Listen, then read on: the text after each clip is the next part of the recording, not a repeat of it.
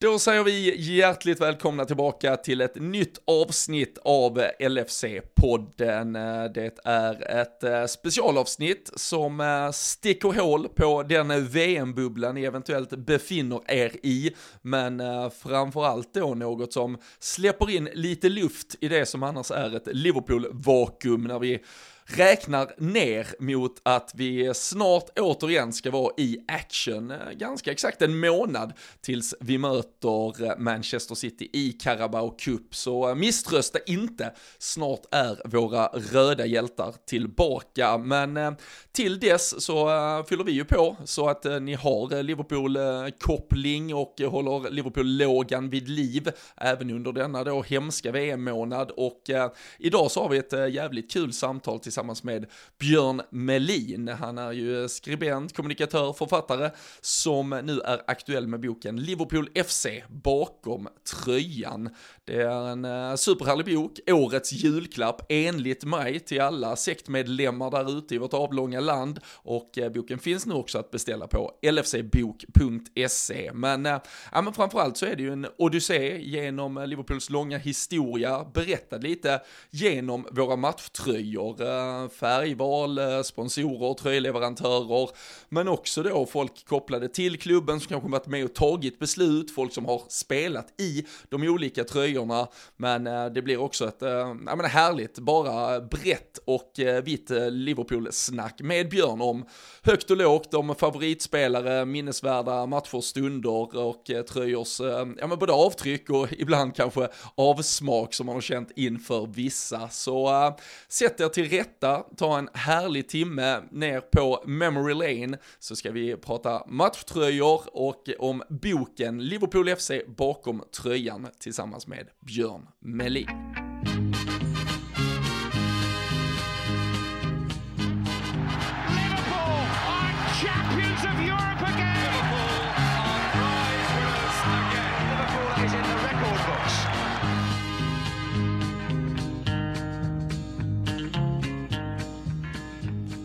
Jajamensan, detta är alltså ett äh, specialavsnitt av eh, äh, LFC-podden. Eh, Perfekt i äh, det uppehåll som VM-spelandet har tvingat på oss och som redan presenterats här i introt så ska jag få äran att den ja men lite drygt närmsta halvleken, kanske lite tilläggstid, få prata väldigt mycket fotbollströjor och eh, den långa historia som ehm, Liverpool har av, eh, ja men jag höll på att säga höga toppar, djupa dalar, men det, det är ju ett eh, ämne som berör ibland och ehm, ja, det finns väl ingen bättre att då få sitta och prata detta med än Björn Melin som, ja men välkommen till LFC-podden först och främst Björn. Stort tack Robin, det är kul att få vara här och så får vi väl se vad vi landar i när det gäller samtalet. Det kan ju bli spännande. Ja men verkligen. Äh, men, äh, aktuell, äh, alltså för mig och, och kanske för äh, lite, jag vet inte om vi ska säga Liverpool, Skåne, det är Kristianstad-trakterna du, du utgår mest ifrån. Men äh, storträffar här i syd har, har vi ju sprungit äh, på varandra äh, flera gånger om. Äh, så, så en LFC-supporter ska vi liksom, det är väldigt viktigt att vi börjar där ändå känner jag. Äh, så man inte undrar, vad gör den här gubben här? Liksom. Nej exakt, man vill ju vara en del av sekten så att det är exakt. viktigt. Men när du inte går på eh, storträffar och eh, är en del av eh, sekten så gör du, du gör väldigt mycket annat. Men nu är du ju aktuell med en ny bok också. Där du, ja men du, du sätter egentligen hela det här sektfenomenet i bokform i stort sett. För du, du gör ju dig ännu nördigare än gemene man faktiskt. Du har ju grottat ner dig i historien kring Liverpool och alla dess tröjor och eh, ja, men allt därtill med sponsorer, logotyper, färgval och eh, dessutom pratat med folk som både burit tröjorna och varit med och format dem eh, på alla sätt och vis. I eh, boken då som eh, vi får väl kalla den årets julklapp som alltså är eh, Liverpool eh, bakom tröjan. Um, hur kom detta sig för det första? Ja, jag, när du presenterar på detta sättet så känns det extremt nördigt. Eh, det inser jag ju såklart. Men, ja, eh, det, det. nej, men jag är, du kommer inte undan det tyvärr. Nej, jag vet, jag vet. Det är ju samma sak som att jag har ju några stycken tröjor hemma, men jag betraktar inte mig som en samlare för det. Eh, det har bara blivit så. Det är lite slumpen som, som leder saker och ting framåt.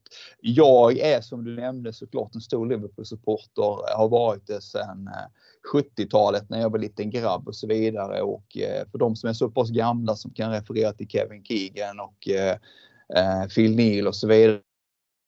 Rick Clemens. Så det är liksom eh, i de glansdagarna på 70-talet som jag liksom fastnade för klubben. Sen har det varit så. Jag skriver lite i boken om det här med tröjor, har jag kommit in på det. Det är egentligen ingenting som jag hållit på att samla på i hela mitt liv utan Eh, det är egentligen de senaste åren som det har blivit inköp av tröjor. Utan, eh, men, men jag har väl haft någon slags, eh, vad ska man kalla det, någon förkärlek till, eh, till tröjorna och jag tycker att det är, även om jag inte har köpt dem eller samlat på mig så har det alltid funnits liksom ett intresse för eh, vad den här tröjan står för eller vilken spelare man minns eh, och så vidare. Så att det har funnits med hela tiden. Eh, jag skrev också i boken och det är väl liksom det som har varit drivkraften eller som det började någonstans eh, om jag ska titta tillbaka var ju 1983 eh, när jag såg den gamla fina Buster-tidningen som hade Ian Rush på, på framsidan där han sprintade framåt med mål i blick och den här härligt randiga tröjan, den röda med vita ränder som faktiskt kom 82 och då inte var särskilt uppskattad av hemmafansen. För det var första gången som klubben liksom gjorde någon förändring på den stolta röda tröjan. Eh, kritstrecksränder var ju poppis på 80-talet. Va? Ni som är lite yngre har ju inte så koll på detta. Men jag har svagt minne av skoldanser i sexan när man skulle liksom vara lite, vara lite modeinriktad. Men det var kritstrecksränder och det var ju Liverpool bland annat men även många andra klubbar körde det på sina tröjor på i ja, första hälften av 80-talet. Men, men den tröjan den vill jag väldigt gärna ha. Eh, och den har, liksom, det dröjde typ 30 år innan jag köpte den eh, som replika då. Uh, så, ja, man, ja. Man, man, förstår ju, man förstår ju i boken att uh, du, du gjorde ju försök på att uh, tillskansa dig den på om man säger, lite, lite, lite andra sätt men det blev, resultatet blev väl inte helt perfekt. Nej, jag kan väl berätta den historien och det är ju en sann historia. Som, som, det är ju så här att på, i början på 1980-talet, jag såg den här tröjan i tidningen Buster fastnade för den av någon anledning. Vi spelade ju fotboll som så många andra killar i den åldern och så vidare och försökte övertala min mamma att den där tröjan vill jag ha. Men på den tiden fanns det ju varken internet och vi hade ingen aning, varken jag eller mina föräldrar, hur man beställde på postorder. Det fanns ingen lokal affär där man kunde köpa den. Så vi visste liksom inte hur man skulle få tag i en tröja från lilla Sverige, eh, eller till lilla Sverige egentligen, på den tiden. Utan min mamma var ju snäll och sa att jag kan väl se om vi hittar en, en tygbit som, som ser ut så i tygaffären. Så vi gick dit. Eh, hittade efter mycket om men ett eh, blankt tyg med ränder som min mamma då, eh, eh, trots mina vilda protester eller om de var starka, det kommer jag inte ihåg. Hon sydde faktiskt en fotbollströja till mig som jag hade på en träning. Problemet var ju bara den att den var ju liksom inte röd som mäktiga Liverpool utan den var gul och grön som bottengänget Norwich City. Eh, och jag hade faktiskt bara den en träning. Alltså det var ju jättesnällt av min mor men ja, det, blev inte, det föll inte riktigt i, i, i god jord eh, fullt ut. Så att eh, det sitter i. Det är väl ett traumatiskt minne. Det är kanske det som ligger bakom det här eh, intresset för tröjor. Jag vet inte. Ja, det är väl till och med skulle, skulle en rivaliserande Manchester United-supporter gå tillbaka i historieböckerna på deras tröjor så är det väl till och med de färgerna som ja. studsar upp faktiskt. Så, Gamla Newton Heath innan United ja. bildades. Precis, precis. Men, äh, men det är ju ett, äh, det är ju en fantastisk bok som, eh, som tar äh, en genom, och det är där jag tänker hur mycket historia, alltså du, du pratar om ett intresse för tröjan och det är ju en sak att titta på en fotbollströja och säga att den är snygg eller ful eller att ja. man har ett häftigt minne av det. Men äh, konceptet eh, och bakom eh, liksom idéerna här kring att för någonstans även om du berättar om fotbollströjor och det, dess utveckling genom alla dessa år så är det ju ändå en referenspunkt för att också berätta en historia om vår älskade fotbollsklubb. Ja, det är helt rätt. Eh, jag kan väl säga så jag skrev ju en bok, eller skapade en bok för fyra år sedan som helt enkelt var mer som en coffee table bok om klubben lite generellt med lite intervjuer, Eh, lite eh, historia, lite tröjor, lite sångtext. Alltså mer som en, en ja, mitt egen, min egen kärlek till klubben och mitt eget intresse för att liksom lära mig mer helt enkelt. Så att, i den boken fanns det med en, ett uppslag med lite tröjor. Eh, för jag har ju alltid haft intresset. Eh, men där någonstans i den vevan, eller innan boken kom ut, så hade jag väl någon, något intresse av att vilja veta mer. Alltså min drivkraft när jag skriver eller någonting, det är min egen nyfikenhet, min egen lust att lära mig mer. Eh, och så försökte jag ta reda på lite mer om utvecklingen av matchtröjorna. Framförallt eftersom jag skaffade på, hade skaffat på mig lite fler tröjor för att jag tycker det är kul. Eh, jag bär inte dem själv, mer i nödfall. Eh, men jag tycker att de, ja, de hänger i garderoben. Jag vet, det är jättekonstigt egentligen. Men i vilket fall som helst så, så eh, försökte jag ta reda på mer och så upptäckte jag att det fanns väldigt lite skrivet om de stora dragen. Man kan såklart läsa om detaljer om liksom, den tröjan eller den, liksom, den säsongen och så vidare. Men just den här ja, historiska bakgrunden och, och, som du nämner också att sätta tröjorna och utseendet och sånt i något slags historiskt sammanhang. Det var det som intresserade mig. Eh, så just också när man skapar en bok så kan det också vara en utmaning att veta liksom, hur, vilka, liksom, hur ska den liksom se ut rent eh, utseendemässigt men också liksom, vilken form ska den ha vilka kapitel ska den ha? Eh, strukturen helt enkelt. Så det var en liten utmaning i början. Men jag läste på eh, väldigt mycket eh, efterhand som jag hade liksom bestämt mig för att jag skulle göra detta. Och detta har ju tagit ett antal år. Detta gör jag skriver på min fritid. Eh, ibland har det liksom varit att jag la kanske någon kväll på att läsa och, och titta på, söka information på internet och så börjar man skriva lite. Så nu har jag gjort lite intervjuer och sånt. Så det har ju varit i sjok om fem timmar här, eh, några semesterdagar där, eh, sommarsemester julledighet, kvällar någon helg. Så det har liksom gått i perioder när jag har skrivit och skapat. Men jag upptäckte ju som sagt tidigt att det var väldigt svårt att hitta en samlad bild. Det finns en bok från 2008 av en engelsman som heter Peter Crilly som har skrivit eh, den enda jag har kunnat hitta, i alla fall på engelska, eller det finns ingenting på svenska, som, som på något sätt eh, skrev om eh, alla tröjor men den var ganska fokuserad på respektive säsong och detaljer. Inte så mycket de bakomliggande orsakerna. Eh, just till kanske varför tröjorna ser ut som de gör rent generellt. Varför man har valt en viss sponsor eller en viss tillverkare av tröjor. Så det var liksom de grejerna som jag var intresserad av att liksom berätta i den här boken. Mm. Så att det är liksom, och sen har jag försökt sätta det också i historiskt sammanhang eh, på det sättet att det blir ju, det börjar ju såklart från klubbens födelse, egentligen lite tidigare fotbollens födelse i, i England. Eh, där den allmänna utvecklingen faktiskt påverkar även tröjorna för vår älskade klubb. Eh, och så ser det ut även liksom framåt.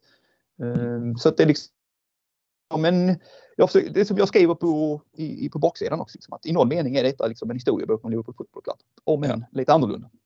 Nej men det är ju, det är ju ett angreppssätt eh, såväl som eh, något egentligen för att uh, samla historia. Är det, är det något vi trots allt har burit sen, sen vårt grundande så är det ju en matchtröja och vi har, har haft klubbens ups and downs har ju, har ju följt och man kan antagligen hitta just infallsvinklar i, i hela klubbens långa historia genom att landa eh, vid olika tröjor och eh, jag tycker du fångar många eh, historiska eh, delar i, i vår klubb också i den här boken. Så det, det är ju, det är ju för någon, eh, både, man behöver ju inte vara en tröjkonnässör egentligen för att läsa den. Det är väl bara viktigt att, att kanske eh, starta där bara så att folk inte tänker mm. att det bara rabblas om materialval eller annat. Det, det, det, är ju lite andra saker som det, som det pratar pratas om här. Men jag tänker om, eh, om du får plocka, för det finns ju en, en lång och eh, diger historia som, som berättas i den här boken och klubben har ju eh, sina snart 150 år, nästan 130 år i alla fall på,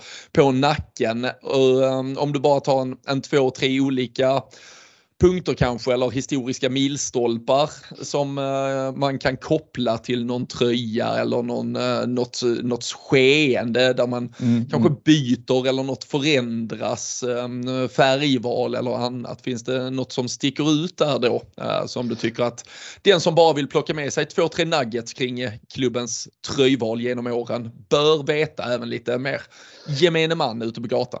Ja, jag tänker mig spontant. Jag tror ju de flesta av alla Liverpool-supportrar är såklart medvetna om att vi började spela i blått. Det kan ju knappast eh, någon ha undvikit och att de första tröjorna helt enkelt var Evertons eh, gamla tröjor eh, tills att eh, klubben då eh, 1896 bestämde sig för att byta till stadens färger rött och vitt. Eh, det, kan man ju, det bör man ju veta i alla fall. Sen kanske vi ska prata så tyst. Vi vill ju gärna vara lite tysta kring det med tanke på att Everton eh, hade de tröjorna först. Eh, det är ju en sak såklart. Men sen så det som jag försöker beskriva som jag själv tycker är intressant.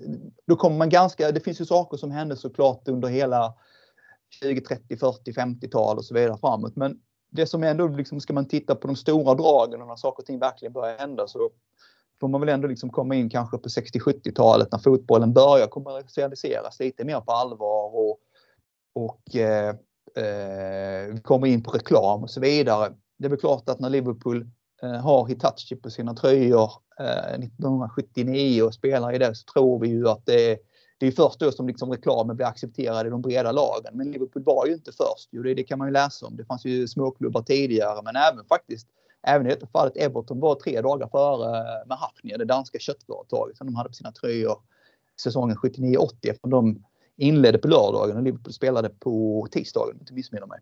Eh, aj, så aj, finns aj, ja, jag vet. Det finns när, när spelschemat hindrar en från att bli historisk, det ja. hatar man ju. Ja, det är, det är precis. Det är liksom sådana smågrejer. Men det är, det är ju en sak liksom, med reklamens breda intåg och att det liksom, fotbollen blir verkligen kommersialiserad på den tiden. Så det skrevs det, skrev jag en del om. Det som också kanske är en liten kul grej i det sammanhanget det är ju Eh, Europacupfinalen 1981 och det har inte med tröjan i sig att göra utan det kan vara mer att om man tittar på bilder från den händelsen så efteråt så kanske man kan se, eller även från matchen i sig, så kan man se att Liverpool spelare faktiskt har tejpbitar eh, påklistrade på tröjan över eh, Umbos logotyp som satt på högersidan på, på bröstet. Eh, som ni säkert känner till så fick ju man inte spela med reklam på tröjorna under Europacupfinalerna så de var ju blanka på det sättet. Eller helröda på det sättet. Men tejpbitarna kan man se på, på eh, tröjorna och det, var helt, det finns en liten rolig historia kring det där för att eh, Umbo och Adidas samarbetade i England eh, 70-talet och framåt. Men de blev lite ovänner för att eh, Adidas ville ta över helt enkelt eh, Liverpools eh, tröjtillverkning. Eh, och så blev de lite ovänner där.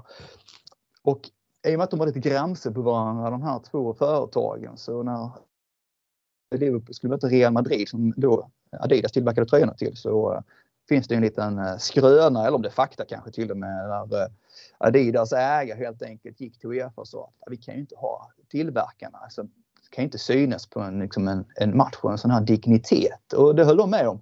Eh, så man fick inte spela med Umbros. Eh, men grejen är ju att eh, den tröjan som Adidas ägare visade upp, en Real Madrid-tröja, den hade han ju såklart preppat på det sättet att Adidas logotyp syns inte på bröstet men alla känner ju igen de tre ränderna på ärmarna ja. och på byxorna. Så att han var ju inte dummare än att han insåg att alla kommer att se att Real Madrid spelar såklart med Adidas. Men ingen skulle se att Liverpool spelade i Umbro. Så det finns ju lite sådana här kuriosa eller roliga historier som jag försöker liksom väva in i boken allt eftersom.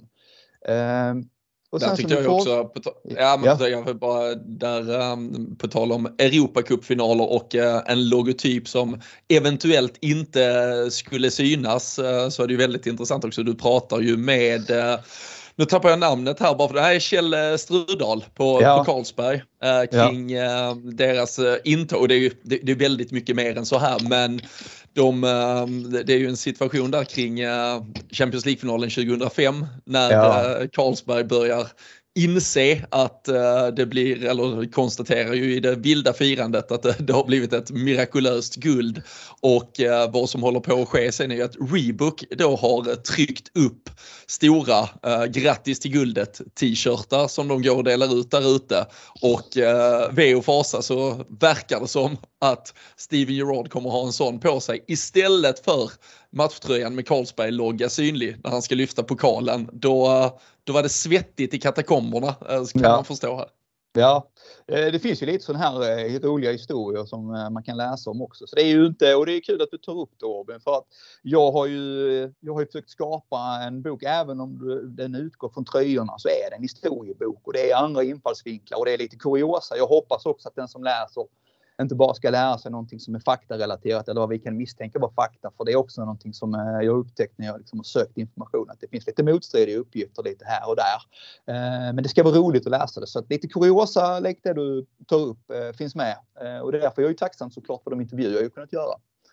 Ja, nej, men det är ju en hel del. Du får gärna puffa några av dem. Men eh, jag, yeah. tyckte, jag tyckte det här Carlsberg, Carlsberg är ju väldigt, alltså jag tror nu, nu är jag av en generation som, eh, ja för mig så har ju Carlsberg suttit på den där jävla tröjan mm. äh, fram tills för bara några år sedan i stort sett. Den, ja. den var ju lika, äh, ja, den var lika fast förankrad där som logotypen i, i stort sett. Mm. Men äh, där är ju flera äh, porträtt och intervjuer som var intressanta. Det är ju Voice of Anfield, George Sefton till exempel. Mm. Men många, jag tror också personer, alltså det är ju ett, eh, det är verkligen ett eh, ja, men ett, ett, ett, ett, ett brett spektra av röster man får höra här som sannoliken har sina olika eh, vinklar på, på Liverpools historia.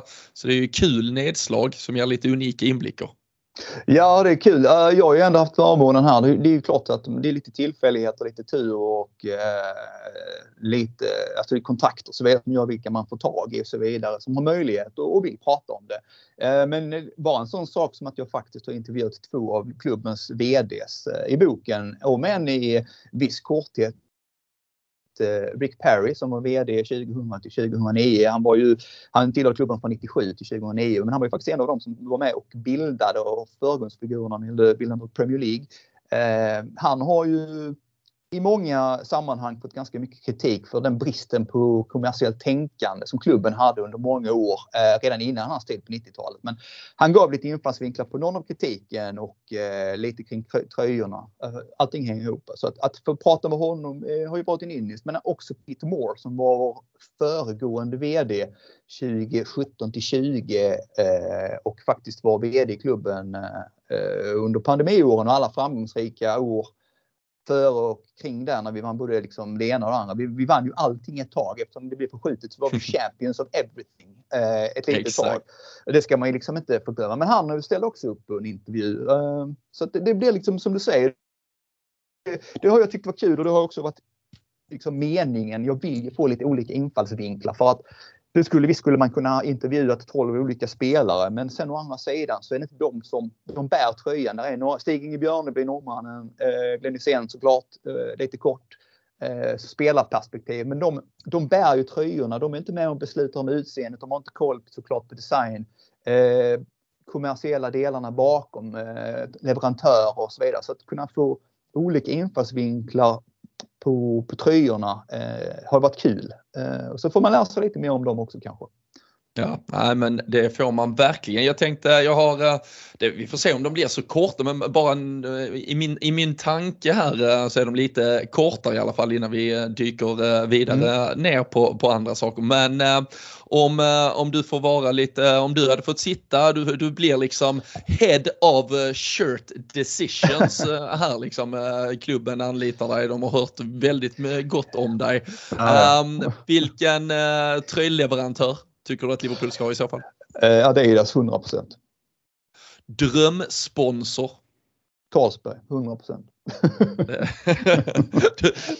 vi ska bara gå tillbaka. Vi ska bara copy-pasta allt vi gjorde för 20 år sedan. Helt ja, men, ja, men jag tror, om jag ska bara avbryta det lite. Det är väl lite som du Absolut. själv är inne på lite. Alltså, på något sätt så, jag vet inte riktigt varför, men jag tror ganska många fans känner som jag på något sätt. Eh, och det kanske handlar om såklart, vi har haft Adidas i två omgångar. De har gjort väldigt mycket tröjor och eh, eh det är klart att man kanske på något sätt eh, av någon anledning minns tillbaks eh, på goda tider. Men tittar vi på Carlsberg så eh, tycker jag att på något sätt så, och det handlar kanske om vilken ålder jag var i och vilken relation jag hade i klubben under det tiden. Men för mig är liksom, det är Adidas och det är Carlsberg. Och jag kan liksom inte riktigt sätta fingret på varför. För tittar vi på Carlsberg så är det klart 92 till 2010, ingen kan ju påstå att vi var jätte, jätte framgångsrika under de åren.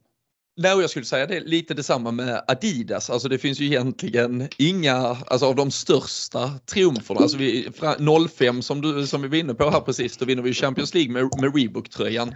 Sen har vi väl Reebok året efter också va, innan vi mm. går över till Adidas. Ja, ja, uh, och, sen, och sen så följer ju ändå en ganska lång rad år med Adidas där det faktiskt ja. inte går bra alls.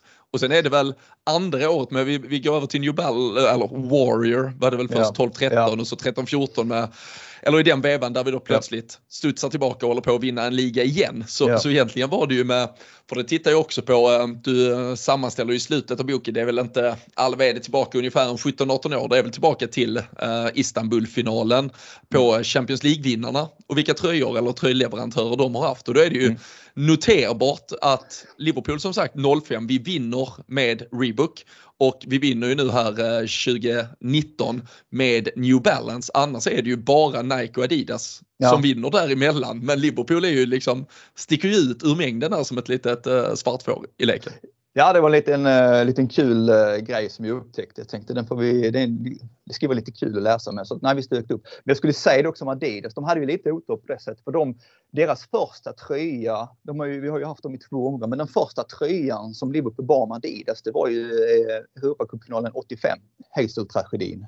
Eh, det var första tillfället eh, och sen efter det så blev Liverpool precis som de andra klubbarna bannlysta från Europa.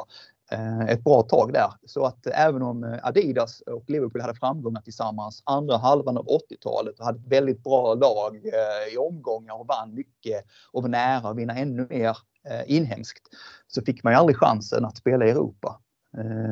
De första åren där Adidas var sponsor. Nej, det känns som att uh, fan, vi får nog hålla oss undan Adidas här ändå. Ja, när du säger det så känns det lite sådär. Vilka eh, färger, då får vi väl bara prata liksom eh, basfärgen. Eh, färgval på första, andra, tredje tröja. såklart. Jag är, ju, jag är ganska glad för det här att när man har hel, helfärgat. Så jag tänker mig första tröjan helröd givetvis. Det är liksom inte så mycket diskussion. Sen kan man alltid diskutera nyans av rött. Eh, är ju, Hur är du om vi säger där den här 17-18 tröjan eh, som eh, kom i det, det är väl det mest vinröda röda vi har burit de senare ja, åren i alla fall. Ja, jag kallar den blodröd. Jag vet inte om det är rätt, men jag kallar den det, det är säkert, det är ja. säkert mer rätt än ja, vinröd. Jag har Absolut. ingen aning. Jag är väldigt glad de här lite mörkare varma. Jag tycker den 17-18 ringen vit. Det påminner lite om de gamla tröjorna, nostalgi, retro-känsla. Den tycker jag ju är väldigt snygg. Den är för övrigt Glenn favorit också, om jag inte missminner mig. Förutom de han vann själv men jag tror den kommer på tredje plats. Och det ska man också säga att alla de som jag intervjuar får ju ranka sina favorittröjor, sina tre favorittröjor. Eh, men helrött, gärna eh, lite mörkare. Jag tyckte faktiskt om eh, Warriors första 12-13 som var V, den hade ju en liten krage. Den, mm. hade, den är inte blodröd, men den, jag gillade faktiskt den. Jag tyckte den var snygg. Det, jobb, det jobbiga är ju att om vi pratar så här med spelare som är förknippade med, den är ju liksom förknippad med så här Stuart Downing, John Shelby och sådär. Alltså, den är så jobbig, alltså, jag, jag gillade också den, men den är förknippad med fel spelare för att det ska vara möjligt. Det är liksom uh, Andre Wisdom i något Europa ja, ja. League-kval och så här. Det är, ja. Ja, jag tänker ju Luis Suarez där, även i den. Så att eh, det, ja, det, det är lite se, det, det, är modellen efter för, för min del. Men ja, jag, jag hör dig. Jag hör ja, det är, bra. det är okej. Okay. Ja, men helrött, det, sen kan vi alltid diskutera nyans av rött. Men eh, eh, lite mörkare. Jag är inte så förtjust i. Reebok hade ju lite olika variationer på sina röda tröjor eh, som de släppte där i början, slutet på 90-talet, början på 2000-talet. De var ju nästan rosa ett tag. De, Reebok gillar jag inte, men det var en parentes. Eh, andra ställ, eh, helvitt. Tänker jag mig. Och tredje helsvart. Kan tänka mig vice versa. Men jag gillar ju när det är helt. Och sen så såklart, och det, så måste det vara idag att det ska liksom det ska sälja och det ska säljas varje år och det ska liksom vara lite konstigt inom citationstecken. Så jag är ingen vän av alla konstiga tredjetröjor som släpps eh, varje år. Nej. För de är ju oftast, och det gäller ju de flesta lag, de är ju ganska utflippade, tycker jag. Ja, nej, jag, jag håller med dig till fullo. Sen är jag ju, jag är däremot jävligt svag för den beigea andra mm, mm. Jag, jag hade gärna sett det som här, alltså jag älskar ju uh, Reebok-tröjan från 96-97 är det ja, väl? Uh, ja, och, ja. och sen då den varianten vi själva körde förra säsongen. Ja, de är ju uh, riktigt snygga faktiskt. Ekro, eh, gräddvit, ja. Eh, krämfärgad, vilket du nu vill kalla det. Men jag håller med dig, den är riktigt snygg. Eh, även den här eh, som kom här om året. Ja, och så alltså, mörkgrönt när vi har gått åt det hållet. Det är också snyggt. Alltså den här eh, schackrutiga vit, vitgröna. Um, eller det schackrutigt är väl att överdriva, men den är ju fyr, fyrfältad ja. i alla fall mm. ja. i det vita och mörkgröna. Den mm. tycker jag också är jävligt. Är det däremot en Adidas-tröja? Kan det vara? Ja, 95-96. Ja. Tyvärr förlorade vi FA-cupfinalen om du tänker på schackrutigt. Två stora vita och två gröna. Exakt, eh, exakt förlorade FA-cupfinalen 95-96, alltså 96 mot Manchester United i den tröjan. Så den, ja, den, den håller ner lite. Nej, den, är, den är faktiskt en av mina favorittröjor där hemma. Jag, den, jag tycker väldigt mycket om den. Med sån här farfarskrag också som man kallar det. Ja, uh, precis. Mm. Exakt. Uh, nej, men det var, det, det, var några korta som uh, kanske blev lite längre. Men du, vad, jag, dina, vad skulle du själv säga Robin då? Vilka färger ja, jag, skulle du vilja ha då? Ja men jag, nej men alltså såklart också det, det mörk, alltså röda åt det då lite mer mörkröda, eh, absolut. Eh, helrött eh, genomgående. Sen eh, så så tycker jag det beigea. Uh, sen, sen, var jag lite först kring det här att vi, att vi skulle ha svarta shorts. Sen helheten gick ihop snyggt. Så alltså, ju, mm. alltså svar, beige, svart, beige, det, det var snyggt.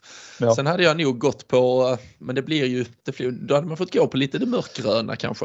Uh, som ja. en tredje tröja. Mm. Men uh, det, det, gula har jag aldrig gillat i alla fall. Uh, alltså så här, jag, jag köper ju det, men mm. det är inte vackert. Det, det kan jag inte jag, jag, vill ju att man ska kunna bära tröja. Alltså jag, jag gillar mm. ju att uh, ha matchtröja när jag går på match ja. eller vi, vi har storträffar. Så jag, jag tycker att Alltså, det är ju klart att den inte, jag, jag förstår att den inte gör sig till eh, liksom eh, frack och sådär men den, den får gärna vara lite snygg. Ja men det får vara lite detaljer, den kan vara skuren, det kan vara mm. alltså, att, någon tanke kring vad det är för typ av krage, hur den är, sitter i armar och så. Alltså, så mm.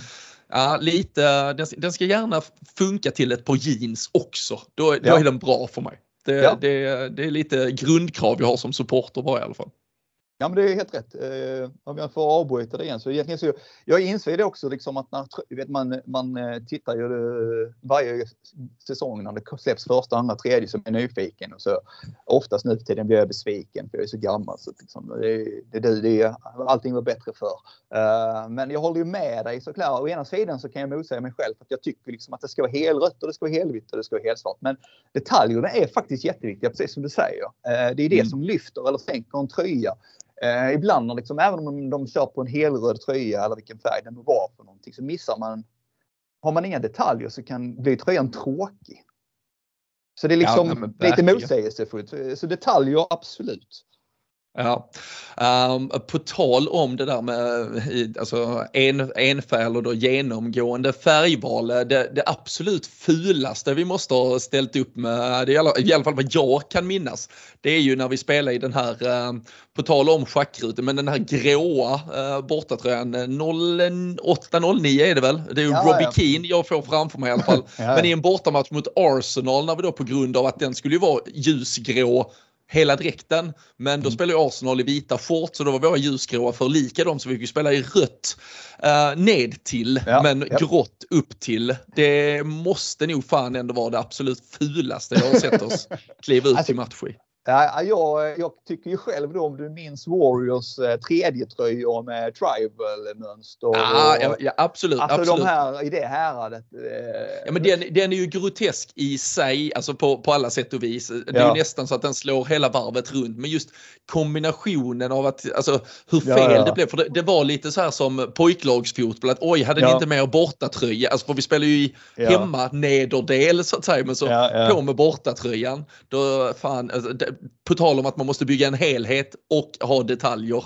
Där ja. Eh, såg man hur mischmaschigt det snabbt blir om eh, man inte får det där enhetliga. Ja, men det är rätt kul också för att nu står det inte så mycket i boken om det, men liksom eh, den som kanske blir där på bilder från förr och så vidare så kommer man, om man tittar tillräckligt mycket så kommer man ju upptäcka att det finns tillfällen, ganska många kanske, där faktiskt ja, i Liverpools fall eh, nu då. Eh, man ser liksom bilder där de har fått mixa liksom eh, första tröja, andra byxor och tredje strumpor för att det inte ska krocka med hemmalag. Alltså det, det finns ju ja. groteska kombinationer ibland ju som man liksom, ja, så får det vara för att regelverket ser ut som det gör. Men det ser för jävligt ut, rent ut sagt. ja, exakt. Vi måste tänka mer på oss som, oss som bryr oss. Vi som vill ha det snyggt. det ska vara snyggt. domaren och att det ska vara liksom, att det inte ska funka med strumporna hit och dit. Ja. Och sådär. Men eh, en, eh, en sak jag tänkte på eh, som eh, jag fick upp tankar kring eh, medan jag läste under eh, min, min väg igenom här. Det var det här med målvaktsdräkterna. Eh, Hur, alltså finns där, eh, har vi någon historisk tanke eh, bakom dem hur de eh, bör se ut eller, så, eller lever de ett, ett helt eget liv frikopplat från färgval och tankar och eh, små små liksom, färgpipetter som plockas upp ur stadsemblem och annat. Kan målvaktsdräkterna alltid bara vara fritt val så att säga, lite fri lek där? Alltså jag har ju försökt eh, begränsa mig också. Eh, jag har, om- man pratar om liksom drivkraft, jag har, eh, har ju försökt hålla mig till utetröjorna så jag har inte skrivit någonting om målvaktströjorna men jag kan ju ha och har inte så mycket kunskap om dem på det sättet mer än att jag minns 90-talets groteska färgkombinationer så som alla lag hade. Det som nämns i boken möjligtvis det är ju klart att i början på 1900-talet så bestämdes det ju att mörktröjorna skulle ha ett visst utseende, en viss färg. Mm eh, för att skilja sig från utespelarna. För så var det inte från början. Sen dröjde det några år så till att man grönt och sen blev grönt liksom det som de flesta ville ha i England. Liksom, det blev legio. Eh, Så grönt har det varit. Jag tror de flesta som har en viss ålder kanske också, jag vet inte, tycker att grönt, det ska målvaktströjan vara. Men det man kan Där, nämna där är- ser ju jag framför mig, det är ju Grobbler typ jag ser framför mig i den Ja. gröna. Och sen, Ja. och sen ned, ned till såg han ju ut som alla andra typ. Ja, ja men precis. Ibland.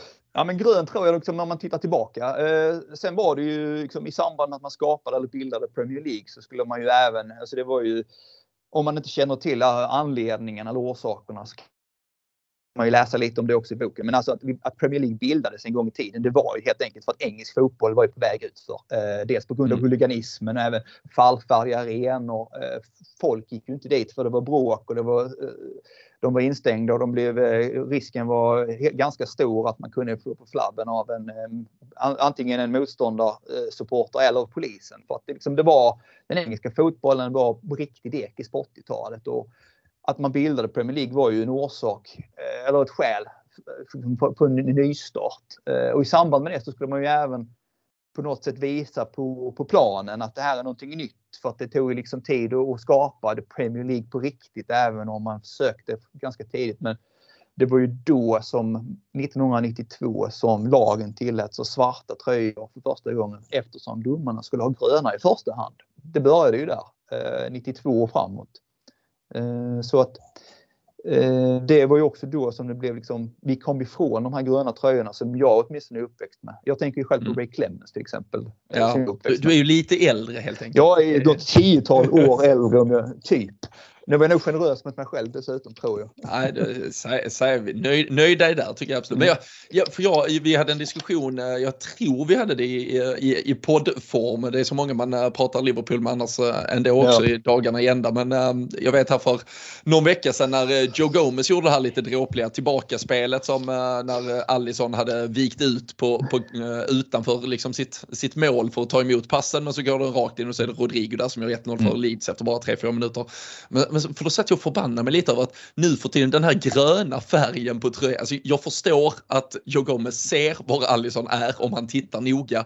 Men det är ju samma gröna som gräset liksom. Ja, man flyter ju ja. in i det. Vill man inte, jag, jag vet ju förr har det varit diskussioner, det är väl en diskussion som till och med har förekommit i, i hockey och i andra sporter, det här med att ha en färg som skrämmer motståndaren, att man ska Ja. se stor ut liksom. Ja, ja, Men eh, i den där gröna känns det ju som att man nästan försvinner i gräset istället. Jag, ja. det finns väl ett, jag antar att det finns tankar kring det också i alla fall. Från Ja, man vet aldrig. Jag kommer, var det inte för några år sedan eh, när, eh, kan det vara, kanske inte var första målvaktströjan, men andra, den här som var helt rosa, skrikrosa. Eh, jo, det, har jo. ju funnits, eh, det här med att eh, det har ju funnits liksom någon slags eh, diskussion eller tanke det här med att målvakterna ska ha skrikrosa eller tokorange eller jättegul, vilket vad man nu kallar neongult. Ja, men det ska komma liksom ett va- jävla varningsmärke ut. Ja men det ska ju vara det, liksom det för att blicken från eh, liksom, anfallaren ska dras mot den här färgpunkten och då skjuter man rätt på målvakten typ om vi ska överdriva. Men alltså det är liksom det måste ju vara någonting som sticker ut och liksom skriker antingen fara eller liksom att ja, du kan passa tillbaks till mig ungefär. Liksom. Så Ja. att jag kan hålla med. Jag, ty jag tycker inte om den här färgen ändå. Nej. det är ju, smaken är ju olika så det får man väl respektera. Ja, men så.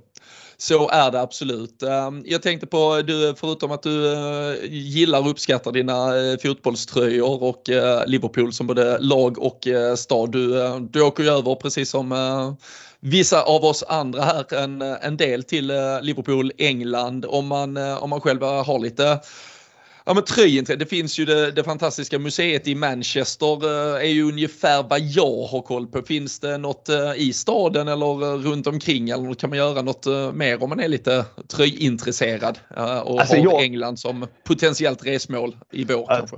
Alltså jag har haft otur på det sättet för det har ju varit pandemin jag har liksom eh, grottat ner mig i detta på, på, på allvar. Så att jag kan inte, eh, precis som du nämner, National, alltså det, här, det finns ju National Football Museum i, i, i Manchester eh, som, som du kanske refererar till. Men det här har ju mm. även Classic Football Shirts företaget om man nu ska liksom nämna ja, företag precis. som har samlat. De har ju sitt de har ju sitt enorma lag och den som kanske hade koll på Erik Niva eh, han var ju där för inte så länge sedan i Sportbladets regi. Ja, det var väl den här eh, fotbollsresan. Ja, skickade dit honom. Eh, så att det finns ju liksom möjlighet att besöka liksom affärer på det sättet. Men jag har ju tyvärr inte liksom, eh, hade jag liksom eh, hade det inte varit pandemin och bristen på besök så hade jag väl förmodligen grottat ner mig och sökt liksom, eh, lite mer information kring detta. Eh, men jag har faktiskt inget svar på det för jag har inte koll på hur det ser ut i själva Liverpool eh, men jag tror Liverpool är, Liverpool är ganska svagt eh, just av att lyfta massa retrotröjor. Jag får lyssnare gärna om de har hittat något bra vattenhål där man kan ja. ta del av mer så får de gärna tipsa oss. Men annars är det alltså, tyvärr ju... det hemska att man måste åka till Manchester. Har, Ja, alltså det absolut bästa är ju såklart om man besöker eh, klubbens egna museum på Anfield. Där kan man ju se eh, gamla tröjor i original och så vidare. Och jag tänkte jag kan passa på här nu jag kommer inte han själv att eh, kanske lyssna på detta eftersom det är på svenska framförallt. Men Steven Dunn som är museiintendent sedan 1997 på museet. Han har varit väldigt behjälplig på det sättet att han har ställt upp på en intervju. Men han har också faktiskt eh, tagit bilder själv på museet på några stycken originaltröjor. Bland annat från fa cupen 1950, eh, några från 70-talet och så vidare. Så att eh, i boken kan man se några exempel på originaltröjor. Så det är ju ja, jag tacksam för. Jag har ju inte så mycket eh, gamla tröjor om man säger så. Nej, men det är, och, det, och så som du säger, alltså, eh, nu, nu refererar du till din uh, förra bok som mer av en coffee table bok. Det, så, mm. så är det väl absolut, men, men denna här är ju också en man kan ju på alla sätt och vis ha den liggande för alltså det är, det är ju rätt schyssta med kor, korta uppslag. Man kan, man kan lätt beta av bara två, tre sidor så har man fått någon input och sen kan man landa i något annat. Det är mm. rätt häftiga bilder man bara kan fastna i diskussioner kring och någon jäkel som minns någon tröja bättre än någon annan och, vad man har mm. för olika relation till olika tröjor. Så det är ju en, en bok som inte behöver bara användas som, som streck och historieläsning utan eh, den, den funkar ju jäkligt bra för att bara ja, men bara få lite uppslag. Sådär när man ja. slår, ihjäl, slår ihjäl en uh, halvtidsvila eller vad som helst. Liksom. Så, ja, eh, precis. Uh, kan ju verkligen rekommenderas. Ja, det är jättefint att du säger det och det är ju tacksamt att du säger det för det har ju, det har ju varit min ambition både med denna och förra och det är klart att i någon mening är ju detta också en kompatibel bok. Eh, precis som du nämner. Eh, meningen är ju att det ska vara fakta blandat med kuriosa. Det ska vara lättläst. Det ska vara bilder som berör eller minns tillbaks. Eh, Eh, där är lite spelarporträtt eh, utifrån de tröjorna som jag har hemma. Så att har jag en tröja som det står Robbie Keane på eh, och den passar in så har jag ju skrivit eh, ett par sidor om eh, spelaren Robbie Keane precis som jag spelat, skrivit om andra eh, spelare som eh, jag har tröjor hemma med, liksom, med deras namn på ryggen. Eller i det fallet om det inte, det inte fanns namn på tröjorna så eh, har jag minst tillbaks på, på någon annan. Ja, det, är ju, det, det, är ju det enda som är synd där, är att du inte valde bilden på Robbie Keane med de röda fortsen på, på eh, Emirates. Han gör ju dessutom ett jävla drömmål i den, i ja, den fula dräkten. Ja, men, men, då kan jag berätta för dig att uh, den bilden uh, den var med från början, men det handlar ju lite om kostnad för bildrättigheter och eh, ah, just, eh, just den bilden tillhörde ett annat. Eh, det ingick liksom inte i förlagets eh, avtal. Ah, Då hade man fått betala massa pengar eh, extra. Det är ju tyvärr ja. som bildrättigheter är väldigt dyrt. Om nu ja, det det gemene man inte visste det så är det ju extremt dyrt. Så att, eh, den var med från början för att det är faktiskt precis som du är inne på. Tänker jag på Robbie Keane så tänker jag på två saker. Det är liksom det är det målet. Han hade ju en kort och ganska misslyckad sejour i Liverpool, men det målet eh, och då tänker jag såklart på den gula tröjan och de röda byxorna.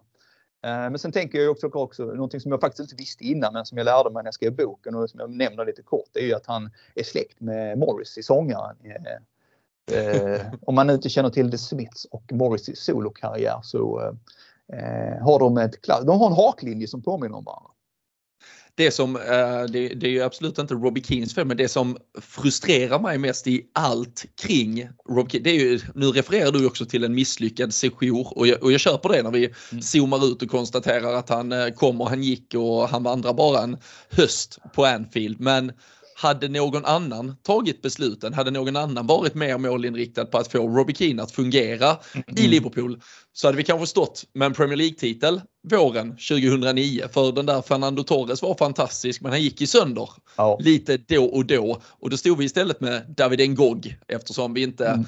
kunde kosta på oss nöjet att ha Robbie Keane som bänkspelare. Sen förstod jag att han inte var supersugen på men vad, vad fan kan han ju nu höfta? Ja men kan han ha gjort 8-9 mål ändå under hösten? Kanske eh, innan han försvann ja. vidare? kan väl ha varit någonting sånt. Han var ju där som du säger bara hösten egentligen och han fick ju, han hade ju otur på det sättet för att den som inte kan sin historia kan ju i och för sig läsa om det här men eh, tanken var ju att eh, Gareth Barry skulle värvas. Eh, det var ju liksom Benites mm. första val för att han skulle liksom på något sätt by bygga liksom mittfältet kring det och det var ju också det som gjorde att Xabi Alonso på något sätt kände sig liksom eh, tvungen att lämna eller ville lämna ett år senare. Även om, ska man ju säga, Xabi Alonso, denna fantastiska, vackra människa, eh, tog ju verkligen eh, liksom den, den affären som aldrig blev av på rätt sätt. Han gjorde en strålande säsong året efter innan han lämnade. Men i vilket mm. fall som helst eh, så var det ju så att eh, förutsättningen för att King skulle passa in det var ju att Barry kom. Eh, tyvärr så fick ju inte Benitez några pengar. Eh, kan man diskutera vem som sa vad och vad som är ägget och hönan och allt det där. Men eh, King fick ju spela oftast på vänsterkant eller ensam anfallare utan det stöd som liksom, han skulle passat utmärkt bakom en Torres om Torres hade varit frisk. Men där, där briljerade ju Steven Gerrard. Eh, han var ju ja. fantastisk i den rollen. Så att Keane hade ju otur, spelades på fel sätt eh, och precis som du säger, visst skulle man kunna liksom övertalat honom att vara kvar våren också. Eh, om han hade fått lite backning från tränaren. Ja. Nej, det, um, what could have been, uh, ja. så är det ju. Men uh, om vi uh, istället för att blicka på vad som kunde ha varit och, och kanske lite avslutningsvis tänker på vad som eventuellt komma skall.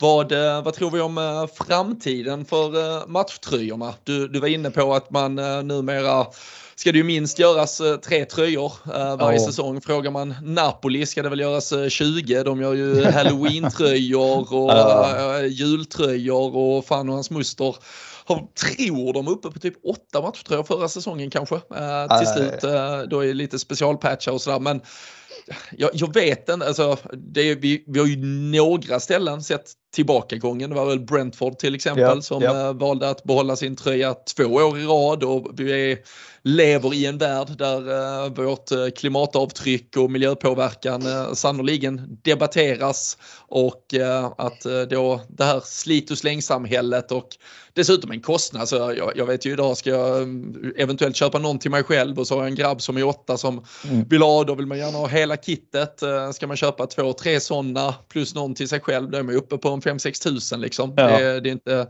det är inte gratis numera. Har vi har de lyckats eh, nå någonstans vägs ände på vad du kan eh, lura dina supportrar på eller eh, vad tror vi kommer hända?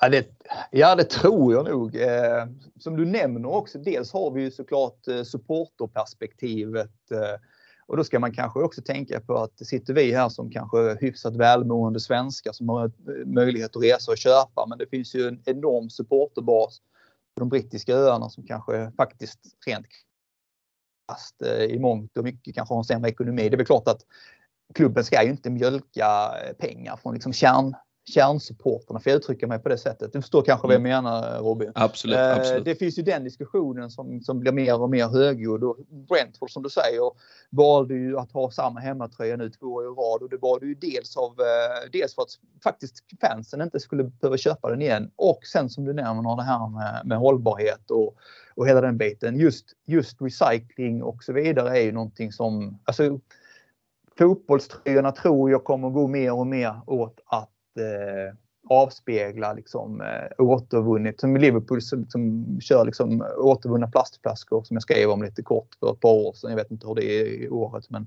det är ju återvunnen polyester och de kommer ju från återvunna plastflaskor. Så att, liksom, miljöaspekten finns ju med i fotbollsindustrin numera och kommer kanske bli viktig. Ja, men jag tror ändå liksom att det som jag tror att man någonstans har nått vägs ände. Eh, åtminstone det kommer ju alltid finnas eh, länder och marknader där det kanske funkar men inte de kanske genuina fotbollssupporterna som har varit med hela tiden. Eh, där tror jag, nog att Ja, jag, tror det... att det, jag tror vi har nått vägs ände där. Det, det känns som att tre tröjor per år. Titta på tredje tröjorna. Jag vet inte, de säljer ju såklart. Det finns ju en marknad och det är stora inkomster för klubbarna. Men jag tror de flesta ändå tycker att den, eh, den var ju ingen höjdare, alltså oavsett vilket lag eller vilken tredje tröja. Så de flesta brukar väl vara ganska missnöjda med tredje tröjan rent utseendemässigt. Så, jo, ja, jag, jag tror nog vi något. Mm. Ja, och det jag i alla fall har märkt eh, som jag har gjort, sen såklart man blir, man blir äldre och alla går kanske då inte i uh, ditt, ditt håll och blir uh, tröjkonnässörer utan uh, man kanske istället känner att man inte måste ha alla tröjor som jag och nu med tre tröjor så mm. brukar jag ju istället unna mig lyxen att kanske välja en av dem, den jag tycker ja. är snyggast. Så, så får det bli årets uh, tröja. Så jag vet inte, jag vet inte hur mycket att, att, ge, att erbjuda tre innebär att folk plötsligt köper tre. Jag, jag tror att många kanske mer är som mig att, ja men vad fan, borta tror jag var ju snygg i år, då kör jag ja. på den i år. Eller att, nej, de andra var mm. ändå skitfula, då kör jag bara hemmatröjan.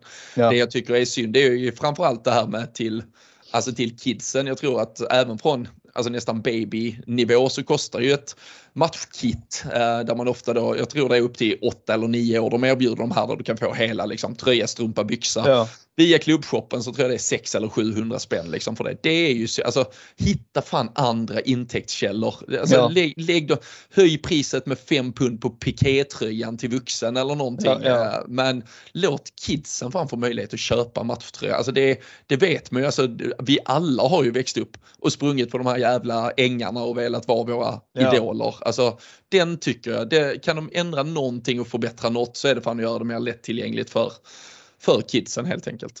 Ja, men jag håller med dig. Eh, och tittar vi bara, man läser ju ibland så här eh, i Liverpool-kretsar på, på, sociala medier och sånt där att de samlar in, någon samlar in eh, har du en Liverpool-tröja för mycket eller liksom någon som du inte använder eller någonting så finns det faktiskt barn framförallt men även andra supportrar som inte har råd att köpa egna. Så då samlar mm. man ihop och så delar man ut det liksom som, precis som du säger, eh, framförallt barn och alla har vi sprungit på den där ängen och försökt vara vem det nu, vilken idol man nu har. Nu, nu, ska, du inte, nu ska du inte dra någon referens för att avslöja nej, hur gammal du är när, nej, jag, du säger jag, annat. Du märkte att jag kom på det va? ja. ja, nej, jag håller med dig. Men jag är ju sån också liksom att eh, jag kan ju köpa någon tröja nu för tiden. Eh, Eh, framförallt om det liksom, eh, det är klart att när vi har en tröja som vi har vunnit Premier League i, eh, klart att oh, den vill jag ha i minne liksom, med mm. Premier League-emblemet på, det är väl självklart. Men annars är jag ju sån här nu och jag vet inte om det kanske trenden är, det finns ett stort fotboll, alltså det är många som har, är intresserade av äldre Eh, fotbollströjor. Classic Football Shots och andra företag hade ju inte existerat och varit så stora nu för tiden om det inte hade funnits en trend där fotbollströjor faktiskt eh, har blivit mer intressanta eller populära eller vad man nu uttrycker det. Erik Niva i Sverige har, får man ju ändå säga, har varit liksom en fanbärare för fotbollströjor och det intresset och att det faktiskt mm. kan betyda någonting mer än bara en färgklick eller en tygbit. Det, det, är ju så mycket mer. Det är minnen, det är nostalgi, det är liksom eh, vad du nu, du kan minnas tillbaks till till speciella händelser, till speciella spelare, vad nu må vara för någonting. Så att, att det här med att köpa kanske begagnade tröjor eller replikas eh, är ju också någonting som jag köper ju hellre en, en äldre tröja med allt vad det innebär av minnen och nostalgi än en ny tröja. Uh, för jag tycker ju att det är roligare. Sen är det ju så att även, även där handlar det också om utbud och efterfrågan. Uh, det kostar ju mycket pengar att köpa gamla tröjor också. Framförallt om de ska ja, vara ja, riktigt vet, gamla. Några av de där, ja, och några av de där favorittröjorna jag, jag har nämnt här i eh, på den, de vet jag, jag har tittat upp. Det, det är ju tyvärr så, det, det, finns ju ibland en risk att de som är ens egen favorittröja är andras favorittröja också och då, ja. då kostar de ju lite mer på de där äh, olika sajterna också. Men ja. äh, jag ska nog ja. lägga beslag på några. Äh, superkort, om, om du köper nya tröjor, äh, trycker du namn och nummer då på dem eller kör du utan? Eller kan det vara någon spelare du ändå gillar från förra året som får chansen på en tröja eller hur funkar det? Nej, jag, jag föredrar eh, namn och nummer. Eh, det är klart när barnen var, när, när grabben som nu är nästan vuxen, när han, eh, när han var mindre så är det klart att då, då kunde det vara att man tryckte hans namn på ryggen och så vidare, och tog hem den liksom, eller om han följde med.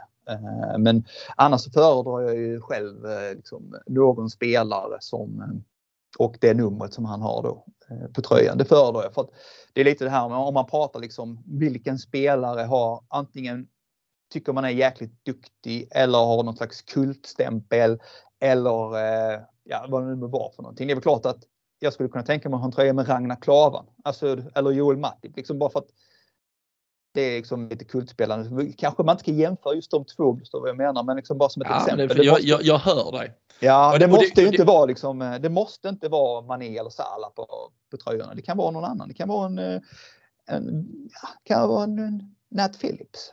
Ja, ja, det kan ha sin charm. Det, det, ja, det kan absolut ha sin charm. Du, du balanserar på en hårfin lina nu på vad, vad, jag hade, vad jag ser som acceptabelt. Eh, ah, okay. ja, det, det är okej. Okay. Ja, alltså jag vet ju, jag har ju, man har ju garderoben fylld med både med Torres tröjor och Suarez tröjor såklart. Det, det är lite ja. från en annan tid. Och sen, men sen är det ju som du säger, det är ju de eh, obskyra. Jag vet, jag stod i shoppen en gång på, det här måste varit typ fan kan det vara, 2011, 2012 och ville köpa Martin Kell med den här vita med kritstrecksränder, uh, vita med rödsvart, gula typ ja, ja, kritstrecksränder. Uh, ville, ville köpa Martin Kelly men de hade bara ett L Jaha, i, i, i shoppen. Så då blev det Meireles istället, det räckte med ett L där. Men uh, sen, sen har man någon Lucas Leiva och på tal om Xabi Alonso som vi också nämnde lite tillbaka. Det finns ju det är ju ja, det är ett brett spektrum med allt från, som du säger, kultliraren till kanske favoritliraren till den bästa spelaren. Det är väl mm, mm. Man ska väl, man ska väl bara, jag, jag har lärt mig den hårda vägen att man kanske ska låta dem spela en säsong in. Alltså just att trycka nyförvärv, det är, ja. det är ju många som gillar att göra det. Men jag, det, när jag väl tryckte Joe Cole 2010 är det väl. Uh, ja, ja. Då lärde jag mig den hårda vägen att så gör vi inte. Vi låter Nej. dem spela först och så beställer vi sen helt enkelt. Tycker det var en sund eh, inställning. Min son för många, när det nu var, han ville ha en orange målvaktströja och så tryckte han Loris Karius på ryggen. Så att, ja. ja den, den, den, är, den är svåranvänd. Den är svårsåld också. Ja, ja, jag vet absolut. Han kanske blir eh, Premier League-mästare med Newcastle nu istället. Då stiger ja, han i värde. Ja, Nej, nej, fantastiskt. Äh, jäkligt kul att äh, vi fick äh, det här snacket tillsammans Björn. Äh, viktigast av allt nu är väl att folk där ute ska veta att det här är, det är årets julklapp. Det är Absolut. denna man ska lägga beslag på och den, den trycks och är på väg till Sverige as we speak i stort sett. Kommer landa, kanske har landat kanske när detta avsnittet kommer ut. Vi, vi är ju några dagar från det. Men hur gör man om man vill beställa den?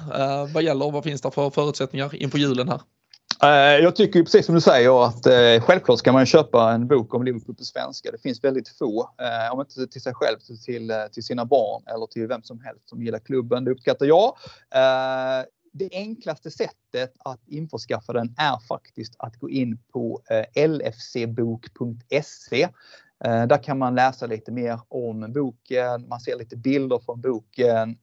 Man kan även klicka på en länk som går till förlagets beställningssida. Gör man det så kan man räkna med att man förmodligen har den levererad till sig i första, andra veckan av december eh, beroende mm. på exakt leveransdatum från tryckeriet i Ungern.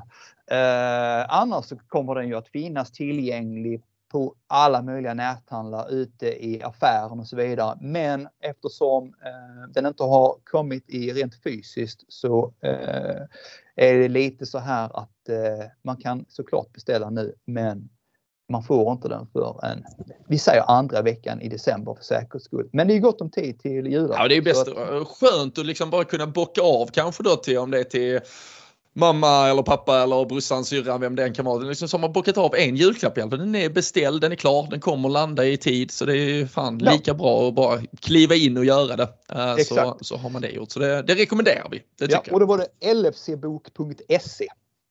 Det ska vi komma ihåg. Vi lägger ut länken eh, antingen via våra sociala medier eller lägger det här i avsnittstexten också så kan ni klicka er direkt vidare ifall ni tyckte det var för jobbigt att komma ihåg de där sex eh, bokstäverna. Det, fan, det, det, det är klart, vissa har gått in i VM-bubblor nu, ligger bara i soffan och kollar fyra matcher eh, om dagen och käkar chips. Det är, för, det är för mycket information här helt enkelt. Men, ja, ja. Jag, jag kommer inte kolla VM, jag ska titta på gamla Liverpool-matcher från 80-90-talet. Ah, det är spännande. Det kanske blir en bok om det också. Uh, ja, väldigt, vi får se. Nej, stort, stort tack uh, Björn för att du var med oss. Uh, fortsatt lycka till här med, med boken och vi hoppas det blir som sagt årets julklapp. Så hörs vi framöver. ta hand om dig så länge. Stort tack.